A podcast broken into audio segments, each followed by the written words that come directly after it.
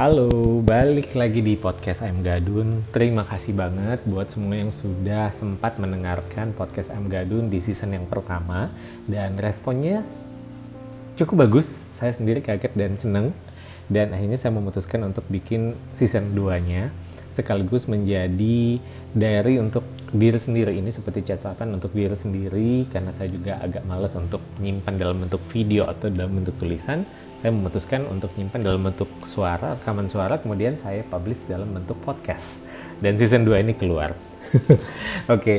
di season 2 episode 1 ini ada satu hal yang cukup mengganjal perasaan saya selama ini tentang harus menang.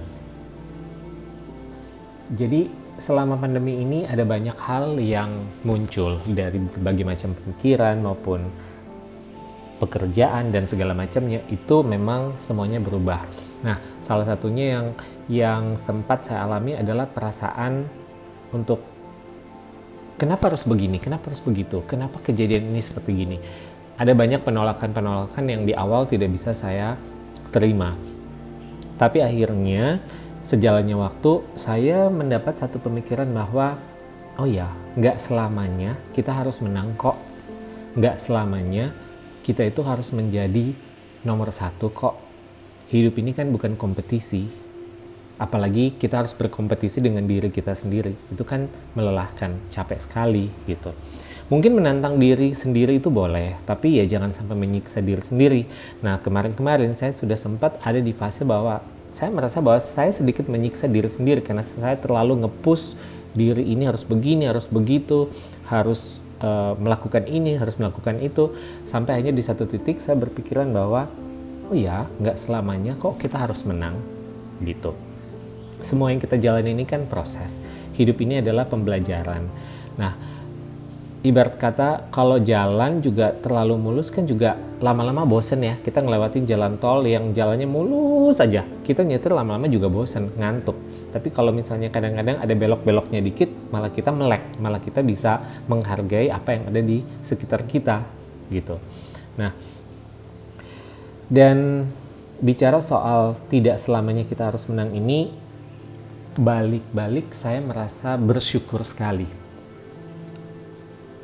Ketika pandemi ini terjadi, di saat banyak pekerjaan, terutama pekerjaan yang berhubungan dengan entertainment, pekerjaan MC saya itu banyak yang ke pending, di situ otomatis secara finansial akan berkurang banyak. Tapi kalau diruntut-runtut lagi, saya merasa bersyukur karena tahun sebelumnya, setahun sebelum pandemi ini terjadi, nggak tahu kenapa, memang e, secara kebetulan juga job MC-nya ini agak lebih berkurang dibanding tahun-tahun sebelumnya lagi gitu. Nah, kalau mungkin di tahun uh, biasanya duit itu kayaknya lancar jaya lah ya. Mau dapat berapa ya habis aja berapa gitu. Di tahun yang sebelum pandemi ini saya sudah bisa mulai menyisihkan karena saya sudah mulai tahu oke okay, tahun ini jatah untuk ber, sedikit berfoya-foya ini lebih sedikit dibandingkan tahun-tahun sebelumnya. Saya nggak mungkin ngambil jatah uh, penghasilan saya dari pekerjaan yang lain ataupun dari passive income saya yang lain gitu. Sementara uh, saya sudah men, me, apa ya menetapkan bahwa memutuskan bahwa hasil yang saya dapatkan dari pekerjaan di dunia entertainment ini yang akan saya gunakan untuk menyenangkan diri saya sendiri seperti itu. Nah, karena penghasilan dari dunia entertainment ini berkurang di tahun sebelum pandemi, akhirnya saya juga mulai mengerem tuh, mulai membatasi pengeluaran yang tidak terlalu penting. Dan ketika pandemi ini terjadi, secara tidak langsung saya sudah mulai terbiasa, bahkan bisa dibilang tidak shock yang berlebih gitu. Shock pasti, karena pasti kan uh, angka finansialnya berkurang banyak gitu. Tapi tidak yang sampai membuat diri ini stres berkepanjangan dan sampai akhirnya depresi karena setahun sebelumnya kita sudah seperti dipersiapkan gitu. Nah, kalau melihat hal ini, akhirnya saya berpikir setelah merenung dan saya berpikir bahwa oh ya, ternyata segala yang terjadi dalam kehidupan itu memang luar biasa ya. Semuanya itu kita sudah dipersiapkan kok. Kalau kita melihatnya dari segi yang positif mungkin kalau setahun sebelum pandemi ini saya banyak mengeluh saya merasa bahwa kok uh, job entertainment saya berkurang banyak kok penghasilan saya berkurang banyak mungkin di saat pandemi ini terjadi dengan banyaknya pekerjaan yang kepending dan pembayarannya tentu saja tidak tidak mulus saya akan menjadi stres dan bukan tidak mungkin menjadi depresi. Tapi karena se, se, setahun sebelumnya seperti sudah dipersiapkan, akhirnya semua itu seperti berjalan lebih lebih smooth, lebih halus, lebih mulus gitu. Ya, saya cuma bisa cerita di sini bahwa yang saya bilang tadi, kita tuh nggak selamanya harus menang kita tuh nggak selamanya harus menjadi nomor satu. Kita tuh nggak harus selalu menjadi orang yang terdepan gitu. Begitu kita sudah mulai bisa menerima itu, pasti ada hal yang lebih menyenangkan lainnya gitu. Kita bisa beri waktu untuk diri kita sendiri, terutama di masa-masa pandemi ini ya, karena uh, kesehatan mental itu bisa dibilang sesuatu yang penting bahkan sama pentingnya dengan kesehatan fisik kita gitu. Kita nggak harus menjadi orang nomor satu kok. Nggak ada salahnya kok kita tidak menjadi orang yang pekerjaannya paling hebat. Nggak ada salahnya kok kita menjadi orang yang penghasilannya paling besar. Nggak ada salahnya kok kita menjadi orang yang mungkin sekarang ini sedang ada di masa yang lagi ibarat kata roda rodanya tuh lagi di bawah. Nggak ada masalah kok. Namanya hidup itu memang sudah ada siklusnya kan. Semuanya ada putarannya. Tinggal bagaimana kita menyikapinya. Tinggal bagaimana kita bisa menerimanya gitu. Nah uh, dari sini saya semakin menyadari bahwa belajar menerima belajar bersyukur dengan apa yang kita terima apa pun kondisinya itu adalah kunci satu-satunya buat kita bisa merasa hidup ini jauh lebih nikmat jauh lebih indah kebayang kalau misalnya setahun sebelumnya saya banyak mengeluh, saya banyak menuntut, akhirnya malah mungkin depresi.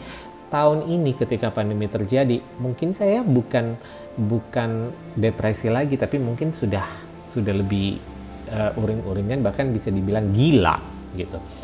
Tapi dengan semua yang terjadi dan saya sudah mulai bisa belajar menerima sedikit demi sedikit semua proses itu terjadi, akhirnya semua bisa terlewati dengan lebih smooth, lebih halus, lebih lebih mulus.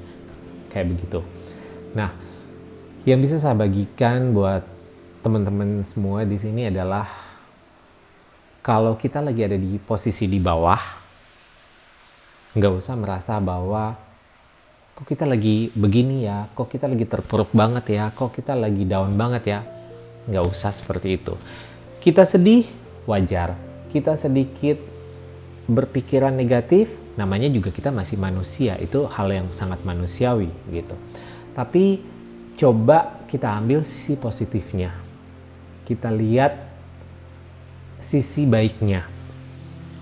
Dengan apa yang kita dapatkan, dengan apa yang kita punyai, dengan kondisi yang kita alami sekarang, kita akan menjadi lebih kuat. Kita akan menjadi orang yang lebih bisa nerima kondisi yang lebih berat lagi. Dan saya mungkin adalah salah satu orang yang sangat percaya bahwa cobaan yang diberikan dalam hidup itu tidak akan pernah melebihi kemampuan kita. Nggak mungkin sih, sejauh yang saya alami, seberat apa pencobaan yang pernah saya alami, itu pada akhirnya bisa kita lewati. Karena saya percaya semua cobaan hidup yang kita alami, yang akan kita terima, itu sudah diporsi kok.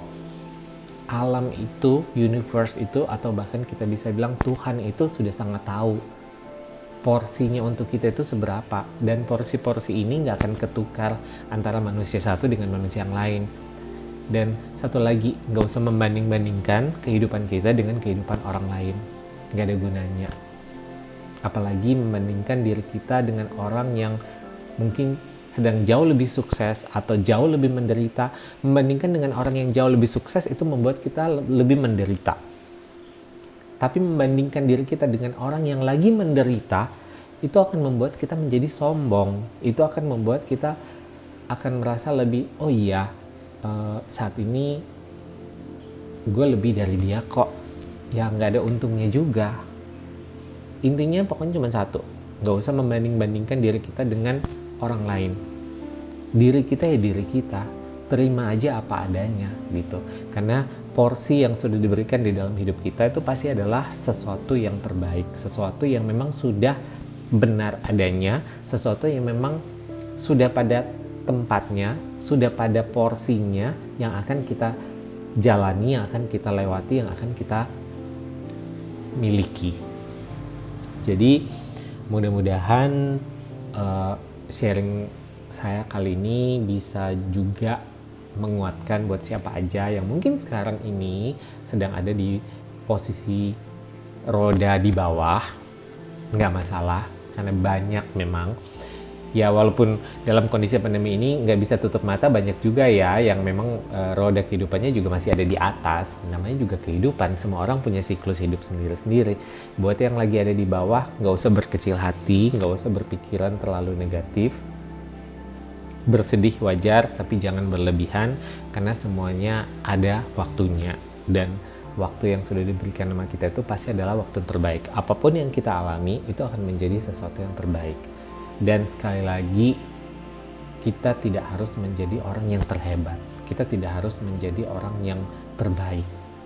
Kita menjadi terbaik untuk versi diri kita sendiri aja cukup. Bukan terbaik untuk dipandang orang lain bukan terbaik untuk menjadi uh, saingan orang lain, bukan terbaik untuk menjadi pembanding orang lain, tapi cukup menjadi hal yang terbaik untuk diri kita sendiri.